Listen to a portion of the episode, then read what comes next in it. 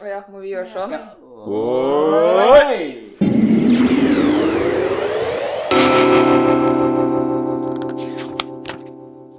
Kjære bokvenner, kjære lyttere, kjære medborgere. Velkommen til denne episoden av Bladpodden. Vi har med oss Thea Sundstedt Bergstø, kritiker. Hei til deg. Hei, hei. Vi har med oss som vanlig Eirin Andresen Betten, Hei, hei. journalist og kritiker. Og vi har med oss redaktør og kritiker Even Teistung. God dag. Jeg heter Jonas Meyer. I dag er temaet sted. Vi skal snakke om sted, men først, som vanlig, må vi snakke om hva leser du nå? Da spinner jeg blyanten, og Det gikk ikke. Det gikk Ikke så greit. vi prøver litt mer her. Der peker det på en slags even, vil jeg si. Ja, Er dere med? Ja. ja. det er med. Um, per akkurat nå så leser jeg faktisk en uh, angivelig roman uh, som uh, har et veldig, veldig stedsfokus. Det er uh, huskeøvelser for viderekommende av uh, debutant Aldona Kastan på Aschehoug. Uh, hun, er opprinn- hun er polsk. Uh, kom til Norge tror jeg som 17-åring. Uh, og den romanen uh, handler da om en oppvekst i byen uh, Jeg tror det uttales Łódź. Uh, de fleste nordmenn vil nok si Lodz. Uh, bak jernteppet. Og samtidig om da som byens hukommelse, eller mangel på hukommelse, selvanestesi i kjølvannet av holocaust osv. Eller Shoa, som det heter.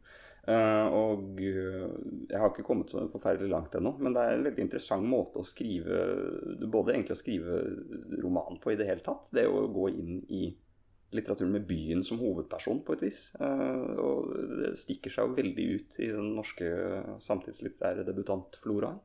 Det høres jo virkelig sånn ut. Det er Ja. også veldig interessant med forfattere med en så spesiell bakgrunn. Mm. Kommer til Norge som 17-åring Mm. og skriver en roman på det nye språket. Mm. Ja, hun er jo vel å merke nå, tror jeg Jeg tror hun er født i 73, så hun er jo godt voksen. Ja, men, jo, men, Så- hvis du, ja, men så desto- 17-åring, og så kan du skrive en roman, det er helt Mm. fantastisk. Ja, Det er jo desto mer interessant også at det har tatt såpass lang tid at uh, Men så vil jeg også bare vende inn at jeg leser en annen bok ja. som jeg allerede har lest før. eh, nemlig 'Livet i luftene' av uh, Arild Wange. eh, som er en bok som da den kom i desember Nei, jo, fjor høst. Ikke fikk noe oppmerksomhet, eh, og som fortsatt ikke har fått det. Men som er en av de vakreste bøkene jeg har lest sånn på veldig, veldig lenge. Okay. Som, eh, Men Even, denne Ja. episoden heter ikke 'Hva leser Even?' Jeg vet at du har lyst til å ta et par bøker til. Vi må Den fortjente å bli nevnt. Hva heter den for noe? 'Livet i luftene'. Liv i luftene. Ok, da foreslår jeg at vi går med klokken til Thea. Ja, Um, jeg har uh, i sommer oppdaget Ben Lerner, uh, som uh, jeg tror jeg kanskje elsker. Um, så nå leser jeg meg gjennom hans samlede poesi fra 2004 til 2006, jeg opp, nei, til 2016, eh, under tittelen No Art. Eh, men jeg oppdaget han først som romanforfatter. Han har bl.a. skrevet 'Leaving the Attica Station', hvis den er kjent for folk, som jeg tror den er. Hva, hva slags eh, poesi har han skrevet? Um, altså, jeg har sett han blitt omtalt som Altså Altså, litt sånn Nesten litt sånn representativ for en ny amerikansk, liksom, moderne Er det sånn tilgjengelig, veldig tilgjengelig eller ut, utilgjengelig? Jeg en, Kanskje en blanding. Altså, jeg opplever det som ganske tilgjengelig. Men er det han som skrev den eh, 'Defense of Poetry'? Ja, Nei, det er hatred of poetry.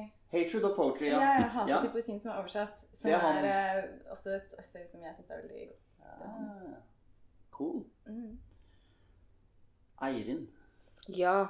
hva leser du? Mm, jeg leser eh, mye sakprosa, så akkurat nå Så jeg var ferdig i går, så leste jeg ferdig boka som er søkt av Robert McNamee, som var en veldig tidlig investor i Facebook. Og så har jeg begynt å lese 'Custodians of the Internet' av Tarleton Kan jeg bare si det de til lytterne? Mm. Nå har Eirin tatt på seg noen utrolig kule briller. Og står her, sitter da og ser veldig intellektuell ut mens du snakker om all den sakprosaen du har lest i det siste. På sitt vakre engelsk. Veldig vakkert. Fine briller, altså. Men dette er mobbing.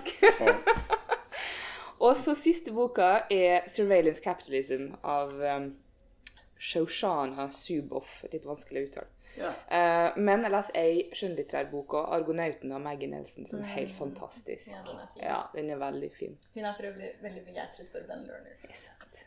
Jeg føler hver gang det blir nevnt en engelskspråklig bok, så har du lest den, Thea. Ja. Er det riktig? Eh, jeg har ikke lest Nei. Custodians of the Internet, eksempel. Nei. Men, Nei, men det er, ikke, det er liksom ikke alle som behøver å lese den, da. men Nei. siden jeg vet du vil, Jonas, hva leser du da? Å, så hyggelig at du spør. Jeg leser Teju Cole. Kjent, eh, en norsk oversettelse av eh, hans essaysamling 'Kjent og fremmed'. Jeg har et par ting å si om den. For det første så er oversettelsen bare et utvalg. Mm. Det syns jeg er en uting. Hvorfor kan de ikke oversette hele? Altså, da har man jo ikke Det er ikke en oversettelse. Det er bare jeg, jeg, har- jeg, Det er bare et utvalg. Ja, ja, det er. Det et lite utvalg. Det Altså, den opprinnelige boka er på hva, 450 er, sider eller det er noe. Så, forferdelig. men jeg tror, det handler, jeg tror det handler altså Jeg kan se for meg at de har tenkt at her er det så mange tekster, for mye av det handler om fotografi og billedkunst, eh, som sannsynligvis er dypt ukjent for veldig mange. Eh, ellers har de ikke fått rettigheter til bildematerialet eller bildemateriale Ja, kanskje det er noe sånt. Men- Jeg men- men det er jo helt på trynet. Det er litt sånn når du tidligere hvor du kjøpte en bok, og, eller de oversatte, og så gjorde de om på boken. Ja, altså. Thomas Manns Ja, ja. Trolldomsfjellet, eh, da den het jeg tror den bare Trollfjellet i første tapning, så fjerna de nesten store deler av de filosofiske diskursene og lot det bare være en handling. Ja. Eh, Det gjorde de jo på Simone de Beauvoirs Beauvoir, eh, det annet kjønn òg. Det var jo òg ja, utgitt i en det, Du tror du har lest boken, og så er den egentlig mye lenger. Er- Men det skal sies Og så har jeg lest den, er dette så bra, da? Litt kjedelig. Men så kom jeg på en historie av en sånn kjent taler som kom til byen. Og så gikk folk og hørte på ham, og så sa, gikk de ut etterpå og sa nei, dette var ikke så bra.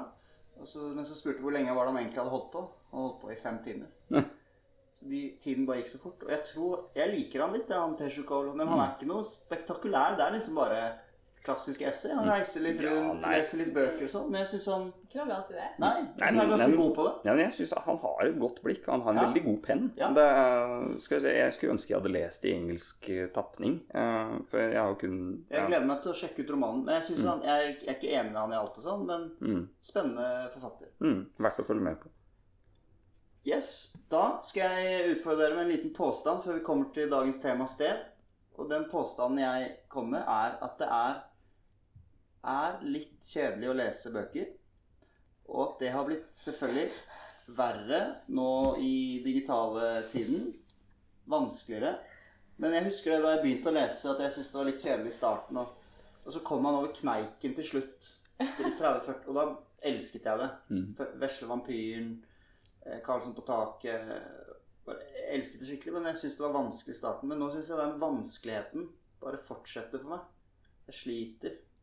Er det pga. Uh, mobiltelefonen din? Er det som Jeg tror det er, delvis er- Internettet? Jeg tror det Ja. delvis er en forklaring. Kanskje du som skal lese 'Custodians av internett? Internet'? Blir skremt litt? Mm. Det kan godt være.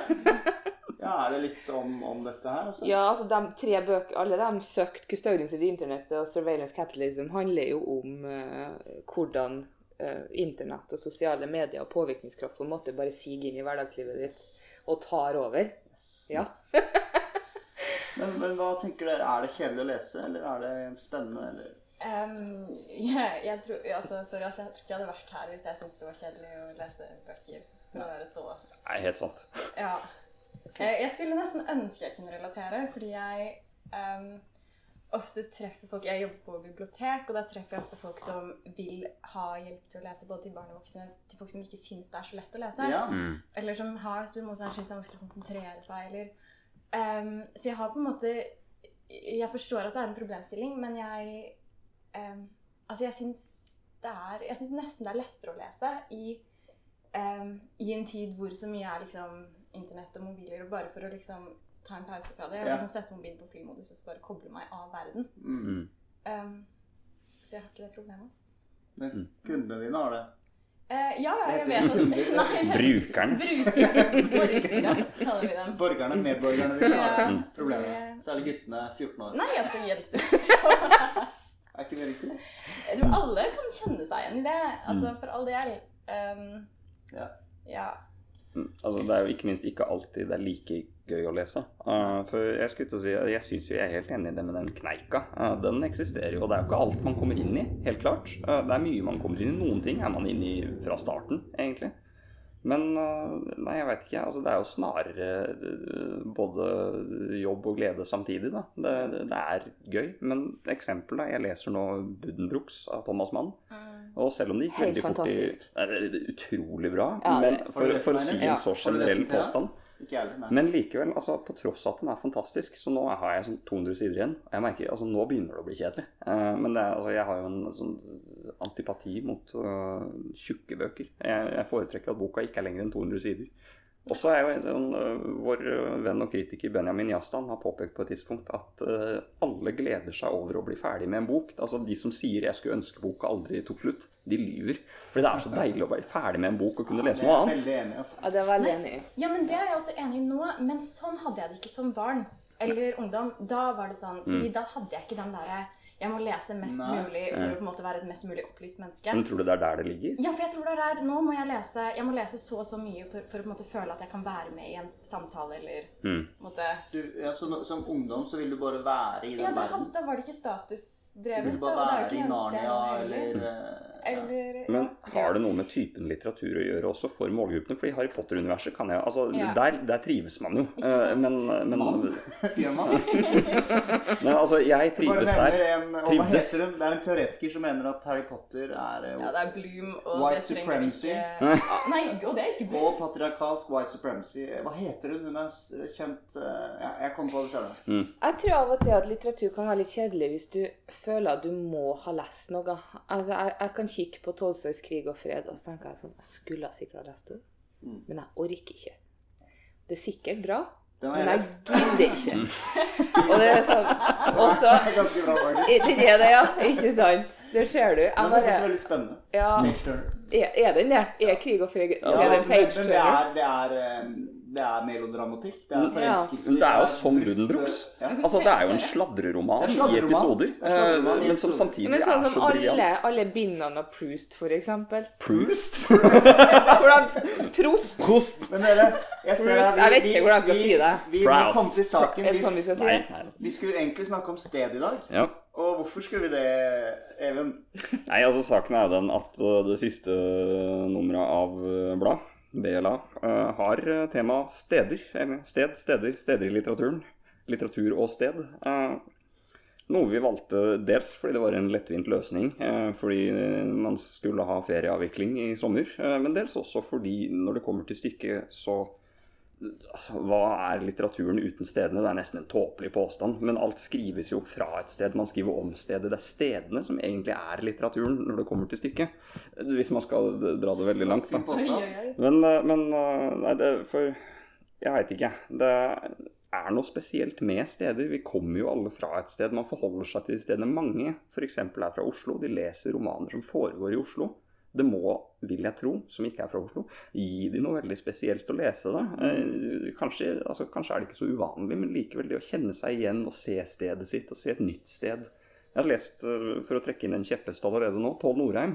Eh, hvis, altså Mange av oppdateringene i de to oppdateringsbøkene foregår i Afrika. Jeg har aldri vært der. Det foregår i Marokko, i Etiopia, Eritrea, Tanzania. Og det er så altså, Nesten litt eksotiserende av meg å si det, men det er så utrolig interessant å få disse dybdeinnblikkene inn i steder jeg overhodet ikke kjenner til. Men som han jo kjenner til. Han er jo ikke der som en sånn utenframann. Han har jo vokst opp der. Så ikke alle stedene, selvfølgelig, men i Etiopia. Eh, Og, og det å få dette blikket på stedene, det å se stedene representert litterært, eh, eller framstilt, det Ja. det er en av de utsøkte gledene når man først begynner å finne det. For det er jo sånn eh, mange forfattere er jo opptatt av det, og også skrivelærere. At stedet i teksten må være etablert. Mm. Du må liksom kjenne at du er der. Og hvis du har stedet, så har du ganske mye. Mm. Det husker jeg var altså eh, Da jeg gikk på forfatterstudiet i Bø, så fikk vi vite at eh, veldig mange av opptakstekstene eh, som man sender inn for å prøve å komme inn, eh, de er Der finnes det ikke noe sted. Det er sånn Ah. typisk sånn folk som begynner å skrive, de eh, situerer ikke tekstene sine i det hele tatt. Og det er også sånn skriver om folk uten jobber og uten navn, uten sted. bare sånne liksom universelle Ja, han eller hun eller jeg eller du. sånn som Jon Fosse. Nei, men de er fisker. Ja, det fisker Ja. Eh, så det var liksom sånn Vi måtte på en måte lære å gå bort fra det, da. Ja. Eh, og så kanskje hvordan, hva gjorde de da? Hva, eller, Jeg vet ikke om de gjorde så mye. Nei. Eh, Det var annet en oppgave som er til forveksling lik den eh, enkelte, annet du, har fått i siste nummer av blad. ja. Å skrive om hvor man er fra. ja. Ja, for eksempel. Men uh... Stedsbeskrivelse, rett og slett. Mm, ja. Hvor du besvarte ved å skrive om en cruiseerfaring. Ja, jeg gjorde det. Men uh, hvorfor ga dere den oppgaven da, Even? Nei, det var Altså, én ting er at det, helt konkret at det er veldig mange lange tekster i bladet, og vi tenkte vi kunne bryte opp flyten med noen korte tekster, men også fordi, altså, som jeg så vidt var inne på, altså, steder, og særlig hjemsteder, har jo en veldig, veldig stor emosjonell verdi. Altså, det er jo aldri et enkelt forhold til hjemstedet.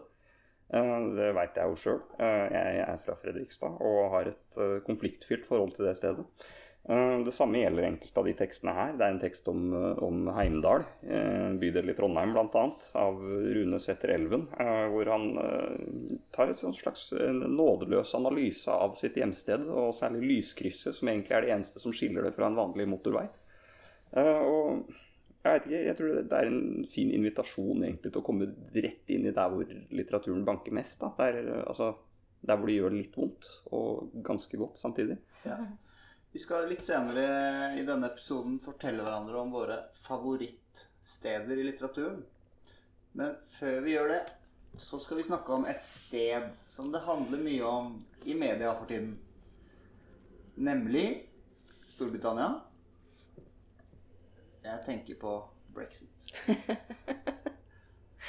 Brexit høres jo nesten ut som en plass til Mm. Ja, det høres ut som yeah. Vi skal til Mm. brexit. We're going to Brexit. De kunne skifta navn til det. Utbryterstaten brexit. Det er sånn vel Orwellian, Mm. faktisk. Ja. Hva er det med brexit? For brexit har jo stimulert en del forfattere, skribenter osv. ja um, Det er Jeg vet ikke helt hvordan jeg skal på en måte starte.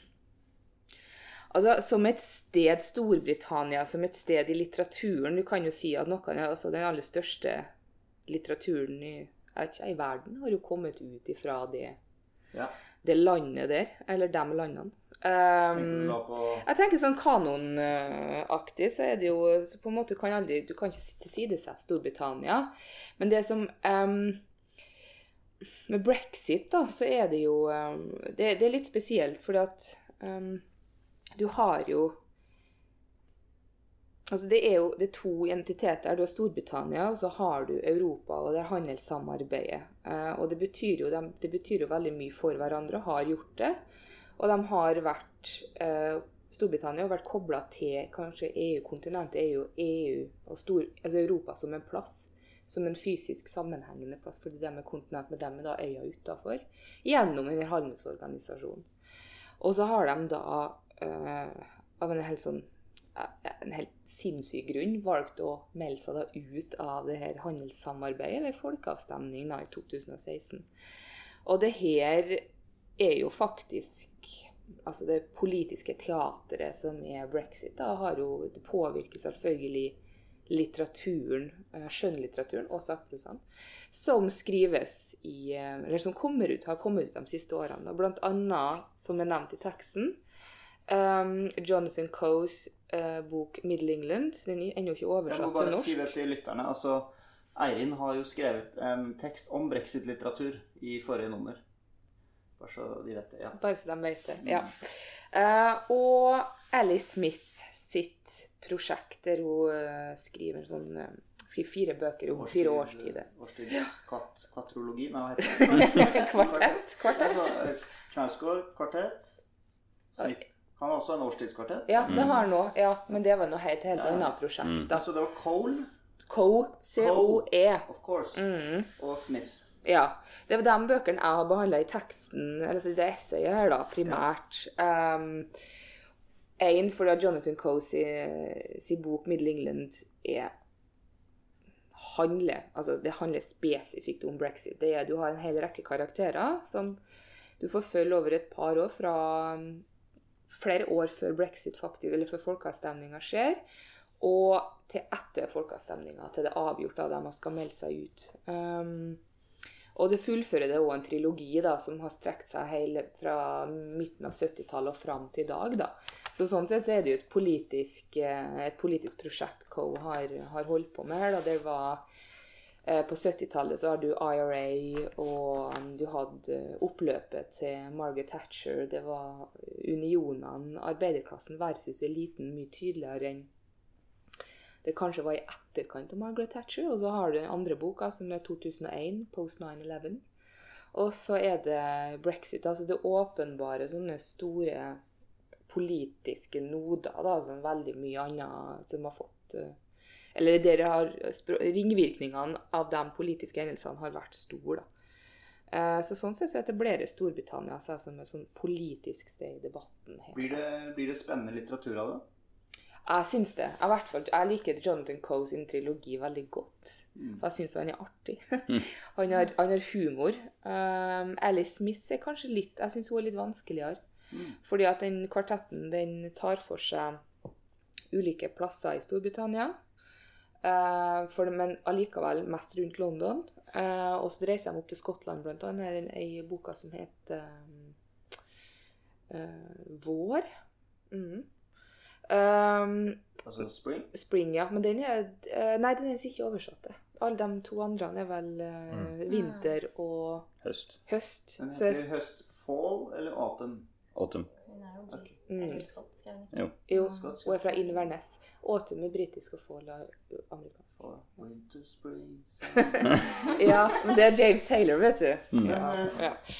eh, du har jo lest uh, Smith, uh, Thea. Ja, jeg Er du enig med Eirin? Det er litt vanskelig å få tak på dette? Altså, liksom Min forutsetning når jeg leser Alice Smith, er at jeg er veldig jeg leser henne veldig fort, fordi jeg opplever at hun skriver på en måte som er liksom, inviterer til å bare la seg dra med. Da, og på en måte akseptere veldig mange av hennes eh, liksom språklige påfunn og alliterasjon. Altså sånn, Det er så mye som foregår Ja. rent tekstlig. Så jeg eh, leser henne ikke i et forsøk på å liksom trenge igjennom. Eh, da tror jeg nok at jeg hadde syntes at hun var litt vanskelig å lese. Veldig interessant, for det er jo åpenbart at her Mm. ligger det veldig mye. Og sånn, Jeg tenker jo hver gang jeg leser henne at sånn Å, herregud, alt man kan skrive om dette. Mm. Ja. Eh, og Kan du gi et samtidig eksempel? Så, nei, altså for eksempel de bare eh, Altså, den Det er jo Altså, Eiren er jo litt inne på det i eh, den teksten du har skrevet, hvor du liksom blant annet nevner eh, Altså eh, Referanser til andre tekster. ja, det er det jo hele Mm. ja, det, er det, det er gjennomgående i alle tre bøkene. Det er referanser til Charles Dickens, det er referanser til Shakespeare. altså Meget tydelige uh, referanser. Men hun, også- hun leker jo med ting som ikke eksisterer.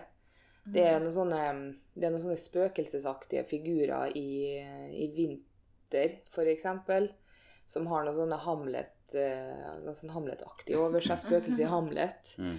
Um, men og der tror jeg poenget der tror jeg er jo faktisk å hekte seg på en, en tradisjon, da, en, den, altså den britiske kanon.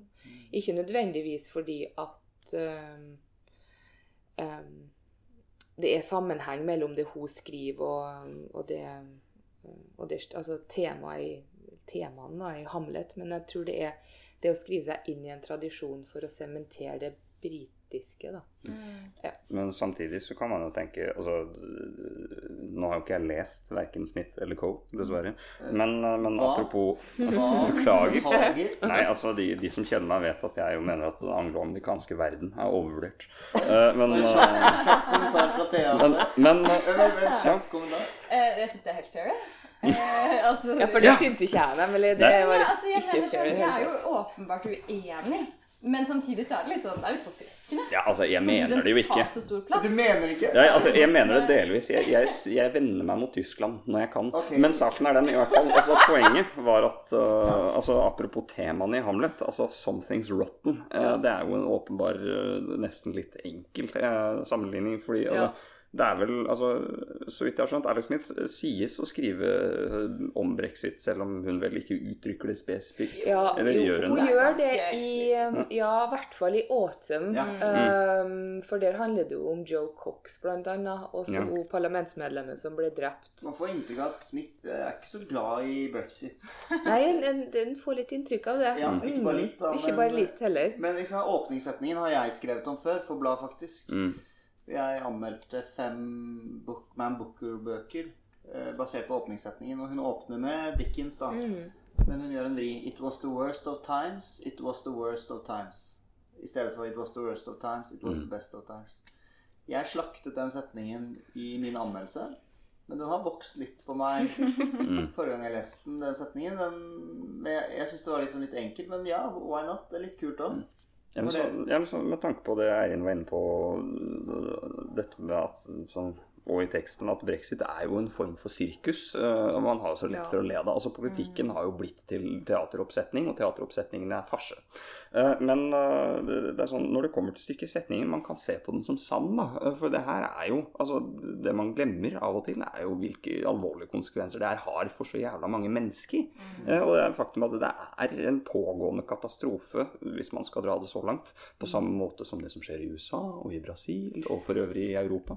Eh, Og så ler man, fordi det er så gøy. Eh, Men denne setningen her det, Man, man ler fordi man er litt i sjokk, eller man er eh, Jeg tror man ber fordi mediene omformer det til komedie, og Ja, man ikke vet ja. hvordan man skal forholde seg til For det. tenk om vi skulle ha prøvd å ta Donald Trump alvorlig.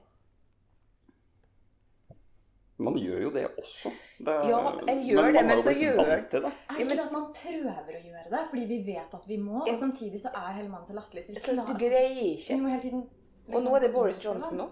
Og, Ja. og Jacob Rees-Mogg. Mm. Det? Så det er, det er Bolsonaro. Ja, som sier ja, jeg som vil for ikke, så vidt jeg vil ikke ikke er morsom. Nei, Så- men, nei, jeg vil nei. ikke snakke med Macron fordi han han har fornærma meg. Eh, Altså, det, er sånn, altså, det er ikke gøy. Det er bare, det er bare mørkt. Og det er bare tragisk. ja, og da blir det It was the worst of times. It was the worst Det er of nettopp det. times. Så, altså, Det- Kanskje er det litterært sett eh, ikke verdens eh, beste åpningssetning, uh -huh. men igjen da åpningssetningen, hvem bryr seg? Bortsett fra Jonas. Uh, men, Nå men sier du noe du ikke mener igjen, føler Nei, jeg. nå mener jeg det. Nei, hvor mye prosent da? Si 78. Det, ja, men med tanke på hvor mye en bok er, den er så mye mer enn sin første Ja da, men så, eh, hvis ikke du har Men, ja. pønta deg på første date Jeg vet ikke jeg vet ikke om jeg mente det helt ærlig. Men dere, dere. Ja. Så eh, jeg bare vil lese en tweet som Ja. jeg leste i dag. Eh, Brexit er litt som når kona spør mannen sin om han vil ha en trekant til 40-årsdagen sin. Han skal egentlig si nei, men så sier han ja, og alle føler seg helt jævlig etterpå. Hvem type den? Jeg husker ikke. Nei. Det var en ganske venstreradikal eh, side jeg følger på Facebook, faktisk. Mm. Eh, mi- en eller annen meme-side. ja, nemlig. Eh, ja. Det er jo litt det inntrykket man får. Altså, nå angrer de der borte. Men så det jeg syns er fascinerende, er alle forfatterne i Norge, intellektuelle, som er, ja, ler av Boris Johnson, men som selv i en avstemning ville jo stemt nei til EU for Norge. Mm. Det syns jeg er paradoksalt. Syns, hva syns dere? Ja, vi kanskje stemte nei til medlemskapet, men vi, vi ville nok ikke stemt nei, nei til et EØS-samarbeid, altså det vi allerede er inne i. For du kan ikke, og det er jo det som er forskjellen mellom soft brexit, hard brexit, um, Norwegian option, um, Norwegian brexit, eller hva man nå kaller det for noe. Og det er jo det handelsavtalene. Og det er jo dem som òg er interessant, for det er dem som på en måte avgjør også litt hvordan grensekulturen skal være. Og da er vi tilbake på plass det igjen. ikke sant? Altså Jeg får jo Jeg føler at det hele det, Og det diskuterer jeg jo òg i essayet, og det er liksom det slagord det er slagordsdelen av det, så 'take back control' og 'make America great again'. Altså Vi driver og trekker oss tilbake til noe som vi glorifiserer. Um, til en plass og et sted som tilsynelatende var bedre enn det vi er i nå, eller det som vil være i framtida. Og i, på Stor i Storbritannia sitt tilfelle så er det jo en, en slags sånn, um, sånn storhets... eh, sånn kolonialistisk uh, Um, altså en empire, da, som, eh, som de driver og trekker seg Eller ønsker seg tilbake til. Ikke nødvendigvis De gjør åpenbart ikke det på den måten det var. Men det er jo et eller annet med at det er noe sånn ønske om noe storhetstid igjen, som de har mista, for de er ikke en stor makt lenger. Og, og kanskje bare har anerkjent det at de, de er ei lita øy utafor kysten av Frankrike. Da. Så det er, og det er, det er mm, Og selv om de på en måte har mye makt og mye innflytelse fortsatt, så har de ikke, det har, er det ikke ståa som har vært i veldig mange hundre år. Da.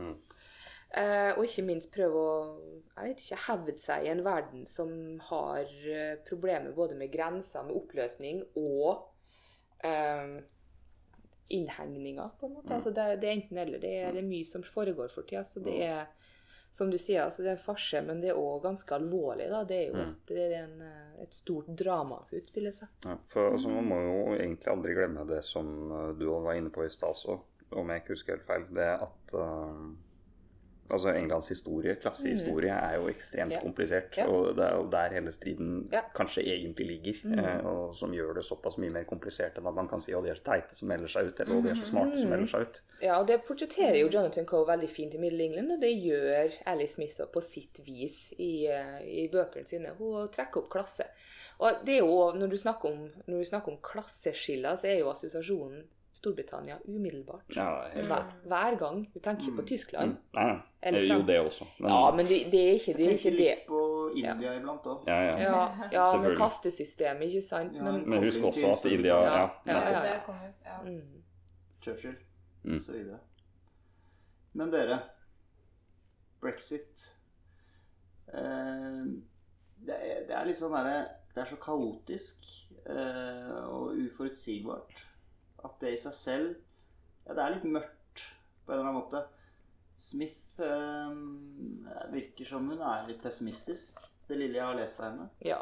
Jeg vil akkurat denne situasjonen. Ja, jeg vil tro Jeg tror ikke det hun kikker på det her med noe um, Det er ikke noe um, det er ikke noe soloppgang i sikte, på en måte. I hvert fall ikke ut ifra um, fra hennes perspektiv. Det, det, det har nok litt med at hvis, du har, tar, altså hvis det er en konsekvensutredning inn i bildet, hvis du tenker litt hva skjer hvis det er en hard brexit? Hva skjer om de må begynne å reforhandle Ja. alle handelsavtalene sine, eller veldig mange av dem? Eh, hva skjer med import av varer som de, veldig, som de behøver, altså mat, medisiner? Hva skjer med eksport, f.eks., når de må begynne å reforhandle Mm. eh, nye handelsavtaler med, med land? Det, det vil igjen endre Storbritannia. Noe som jeg syns Smith gjør, da, er jo å være veldig Hun skriver veldig sjenerøst om lengselen etter fortiden. Ja. Eh, så det er jo ikke Ja, hun er pessimistisk og åpenbart ikke spesielt begeistret for det som skjer, men samtidig så er det jo en em, varme i hvordan hun beskriver disse menneskene som eh, Som også tilbake. ikke er så veldig sympatiske ofte, Mm. Mm. men som man likevel eh, em, jeg synes Det er en grunn til at jeg er så glad i henne. Mm. Ja, jeg syns den var litt utfordrende å lese, Er ikke det regelen Mm. som Trude Marstein pleier å si, at en forfatter må like sine egne romankarakterer? Uansett hvor usympatiske det er. Hvis Mm. ikke så blir det ikke blir ikke bra. Ja. Mm. Jeg vet ikke om hun liker dem, men hun får meg til å Ja. bli litt glad i dem. Ja, ja, men det er noe med det igjen. Altså, for igjen å trekke inn Buddenbrooks og Tyskland. altså det, det, Thomas Buddenbrook er jo til, en til dels en skikkelig stor han. støvel, som mora mi sier. Um, hun er tysk. Uh, og, men, men likevel, altså, det er en varme der. da. Det å kunne tegne opp karakterer på den måten. altså De er uspiselige veldig ofte. Litterære karakterer er jo ofte veldig kjipe. Men det er liksom noe av regelen likevel. At man likevel faktisk skal klare å liksom, ikke nødvendigvis identifisere seg, men komme på lag med de på et vis. da. Mm. Vi skal eh, nå snakke litt om våre favorittsteder i litteraturen. Men bare først, tror dere det at med brexit og politisk uro og sånn, kan det være stimulerende for litteraturen? Kan det være negativt, eller er det nøytralt? Det har ikke noe å si. Kjappe svar. Stimulerende. Alt på en gang. Eh, ja. Det var det beste svaret. tror klart og tydelig ja til alt. Alt. Ok, men um, favorittsteder i litteraturen? Håper dere har forberedt dere godt. Uh, hvilke steder har gjort inntrykk på dere, eller som dere har likt, eller hva det nå er? Uh, hvem har lyst til å starte? Skal jeg spinne blyanten? Blyanten din. Gjør det, du. Gjør det. Plass her. Det Jonas begynner. Ja. Da vil jeg nevne eh, vinneren av Tarjei Vesaas debutantpris eh, i fjor. Eh, han skrev en bok som het 'Seg seg til Inkje'. Det er i år. Inkjes i år. Inches. Mm. Inches. Ehm, og den har et fantastisk sted i seg, den boka. Det er en sånn eh, gård, eh, kafé, hvor de selger vafler. Er Sunndalen. Det er det helt sikkert. Ja. Det er ikke så langt fra der jeg er fra. Ah, så du kan eh, supplere litt. Ja da. Men det er så godt uh, skildret, uh, og det er en foss like ved. Og de kjører opp der, og hun lager vaffelrøre, og de kommer de turistene og er der litt, kjøper en vaffel. Det er et eller annet hvordan de sentrerer rundt den vaffelutsalget som jeg likte veldig godt. Og jeg syns han virkelig fikk det stedet til å leve. Mm. Eh, Mye om det er på min Nordmøre. favorittsted noen gang i litteraturen, det er det kanskje ikke nødvendigvis, men det var et, han har virkelig fått til sted i den boken. Og det sannsynligvis bidro til at den er såpass solid da, som den faktisk er. Mm. Hva, uh, dette burde jeg forberedt. Tarjei, er det det? Nei. Eh, han- Lars. Lars Svisdal. Lars Svisdal. Mm. Han er til og med Hvordan uttaler man det, Eirin? Eller det Svisdal. Svisdal. Svisdal. Lars Svisdal, eh, Sei til Innkjes. Det er et veldig bra sted han eh, skildrer deg. Sunndalen, ja. Det er Sunndal. mellom eh, Oppdal og Kristiansund. Ja. Nemlig. ja. Eh, Eirin, vil du Ja, um, skulle vi lese noe òg? Var det sånn? Ja, du ja, vi ja, skulle gjerne, lese? Ok. Um, for det, jeg har igjen tatt med sakprosa. Ikke så mye skjønnlitteratur. Litt fordi at jeg synes at uh, hvis du i journalistikken og essayene greier å beskrive en plass uten at det blir statisk og kleint, så har du gjort en veldig god jobb. Um, og noe av det som jeg kanskje leser har lest mye av, altså Joan Didion sin 'California', for eksempel. Og noe av skildringene hennes òg fra New York. er jo, er jo. Og jeg har egentlig har jeg to, for jeg har også egentlig lyst til altså Hunter S. Thompsons 'California' og Las Vegas også, i eh, Fear Loading i in Las Ah, ja, Vegas, ja, ja. er jo faktisk helt Det er jo Ja. helt nydelig. Men jeg har Jeg kan, eh, jeg kan lese et lite utdrag her fra um, et essay av Joan Didion som heter 'Some Dreamers of the Golden Dream'. Da blir det på engelsk, da, for jeg har ikke norsk oversettelse. Um, this is a story about love and death in the Golden Land and begins with the country. The San Bernardino Valley lies only an hour east of Lon- Los Angeles by way of the San Bernardino Freeway but is certain ways but is in certain ways an alien place not the coastal the california of subtropical twilights and the soft west and the soft western lies off the pacific but a harsher california haunted by the mojave just beyond the mountains devastated by the hot dry santa ana winds that comes down through the passage at 100 miles an hour and winds through the eucalyptus windbreaks and works on the nerves. October is the bad month for the wind, the month when breathing is difficult and hills and the hills blaze up spontaneously. There has been no rain since April. Every voice seems like a seems a scream. It is the season of suicide and divorce and prickly dread wherever the wind blows. Jeg tror jeg liker California, altså sånn som Joan Didion beskriver det, og Huntress Thompson egentlig, fordi at det er så fjernt. Det er ingenting eh, Det er liksom, det er noe annet enn Nordmøre, da. Ja, Veldig litterær eh, skildring, da. Ikke sant? Den er veldig flott. Er ikke det som er det største honnørordet for sakprosa? Ja. eh, Den er litterær. litterær, ikke sant? Men det var, det var veldig fint. Du Ja. leste det fint òg, men Jo, teksten også var, tror jeg var veldig fin. Ja. Ja, den er veldig Hele den teksten her er Den er fantastisk bra. Altså, det står liksom som Skal vi gå fra angloamerikansk til litt tysk tradisjon? Nei, før det så Ja. skal vi faktisk ha litt angloamerikansk. For det, det Eirin sier om um, at det er så fjernt det, I det siste året har jeg hatt en skikkelig um, opphengthet i Bruce Chatwin. Eh, det er en forfatter ingen vet hvem er. Eh, men Bruce Chatwin han ga ut fem bøker mellom 77 og 89 da han døde av en aids-relatert eh, sykdom. Eh, og han var eh, reiseskribent. Uh, debutboka hans 'In Patagonia' eh, fra 1977 ble en sensasjon, bestselger, eh, hvor han da reiser gjennom Patagonia. Eh, han var egentlig Han jobba for Sotheby's eh, som kunstkjenner eh, og auksjonær. eh, men så sa han opp, ble journalist, og plutselig dro han et halvt år til Patagonia for å gå rundt. eh, og det er sånn, det er fjernt. Det er så fjernt. Men alt sammen handler jo egentlig bare om han selv. Det er utrolig vakkert. Men uh, Chatwin oppdaga jeg gjennom uh, min største kjepphest, VG Sebald. Uh, det er faktisk Er det sant. riktig ord? Kjepphest? Nei, altså, Det er oss- ja. Ja, altså det er det, det forfatterskapet som, som jeg ofte sier, har gjort sterkest inntrykk på meg av, av noen jeg har vært borti. Det, sånn er det bare. Det har jeg, det har jeg erkjent. Men eh, for eh, Sebald har et flott essay om Chatwin. Det skal jeg ikke begynne på nå. Men Sebald selv er jo en mester når det kommer til å beskrive steder. Så jeg tenkte jeg skulle lese litt fra boka 'De utvandrede' eh, fra 1992, som ikke lenger fins på trykk hos Gyllendal fordi de forsømmer sitt folkeopplysningsoppdrag.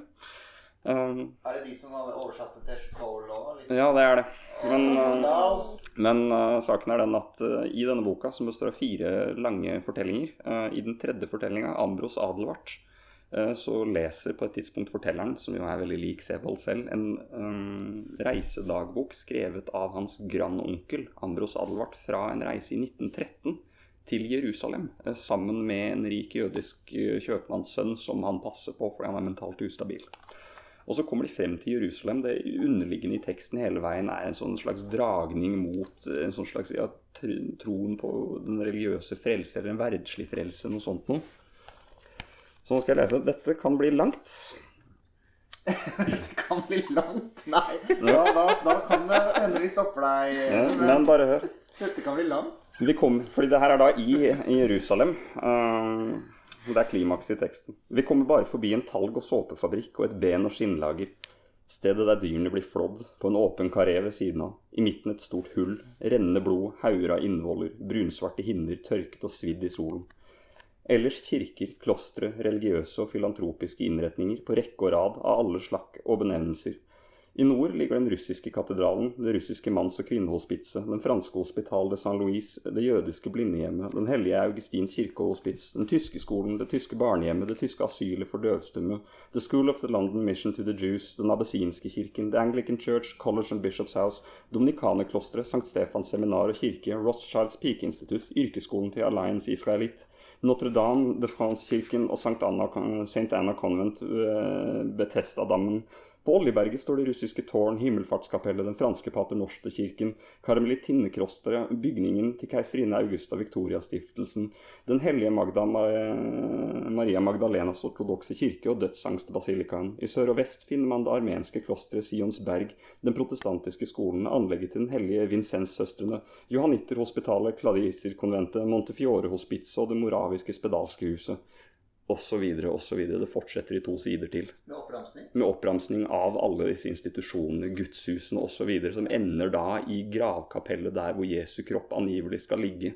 Hvor de møter en forkvakla liten skikkelse som symbol på Jerusalems forfall gjennom to årtusener. Det er en så glimrende skildring av stedet. Med tre sider oppramsning. Men det er sånn starten så er det fint, så faller man av. Men så, når man holder på lenge nok, så Å ja!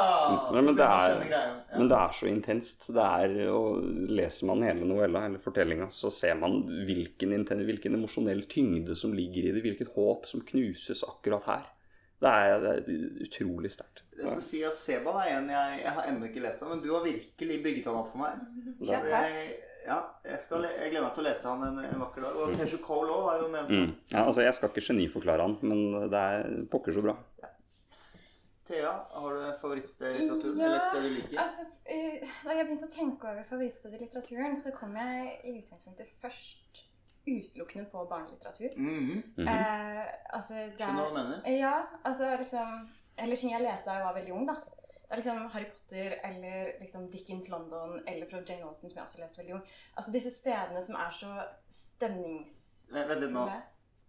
Nevnte du Jane Austen og Dickens nå som barnelitteratur? Ja, men liksom tror å lese kanskje når man er 12-13, da. Mm.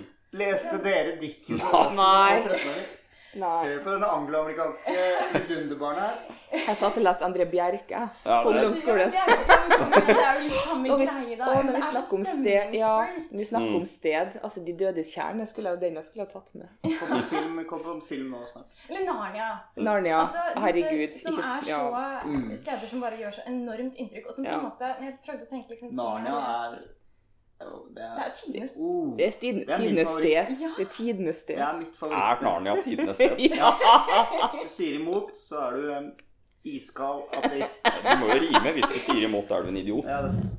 Men fort, fortsett, Thea. Eh, nei, så jeg prøvde å tenke liksom steder som har gjort like stort inntrykk på meg, som jeg har lest eh, i mer eller mindre voksen alder. Eh, og syns det var veldig vanskelig å komme på noe. Eh, før jeg kom på Nora Lange, norsk-argentinsk forfatter som ikke så mange i Norge har hørt om. Kjempeflink. eneste, hun, er, hun er helt strålende, men det eneste folk snakker altså Cæsar Aira blant annet er, uh, har vært veldig opptatt av å liksom formidle henne. Men det eneste som egentlig snakkes om når man snakker om henne, er at Porriès var veldig forelsket i henne. Eh, så hele hennes liksom, forfatterskap forsvinner litt sånn i skyggen av at hun var en veldig stor skikkelse i det argentinske men, men har de- på? Hun skrev på spansk. Men har de oversatt den boka med det fremmede som kikker inn i vinduene til der hun Nei For den er på engelsk? Ja, ja, det er Mm. oversatt. Hun har oversatt en del til engelsk. Det eneste oversatt til norsk Ja. er denne som jeg har her. 'Notatbok fra en barndom', oversatt Ja. av Gunstein Bakke. okay. Som jeg tror kom i 2016. Um, og her er det et veldig Altså, dette er jo egentlig hennes liksom ehm, Det er på en måte små glimt inn i hennes barndom. Som og så tegnes det opp et hus som hun har vokst opp i i Buenos Aires, veldig um, Som sto, veldig tydelig for meg etter å ha lest boken. Uh, og det er også et hus som ble veldig sånn altså, Den er jo mer eller mindre selvbiografisk, denne boken. Så um, det huset var også veldig viktig i det argentinske litterære avantgarde-miljøet. Eh, ble bl.a. arrangert liksom, tangokvelder for alle de store forfatterne på 20-tallet. Em, men da jeg nå skulle finne liksom, stedsbeskrivelser i denne, så viste det seg at eh, det var ikke så lett. For det er jo på en måte stedet og liksom menneskeskildringene og bare disse minnene skrives så tett inn i hverandre at jeg ikke kunne finne noe som Mm. Som eksempel her, da. Eh, tre vindauger åpner mot barndommen min, begynner denne delen. Og så kommer det en skildring av kontoret til faren hennes. Men så avsluttes det med eh, altså, det tredje vinduet, da, som er vinduet til søsteren Irene.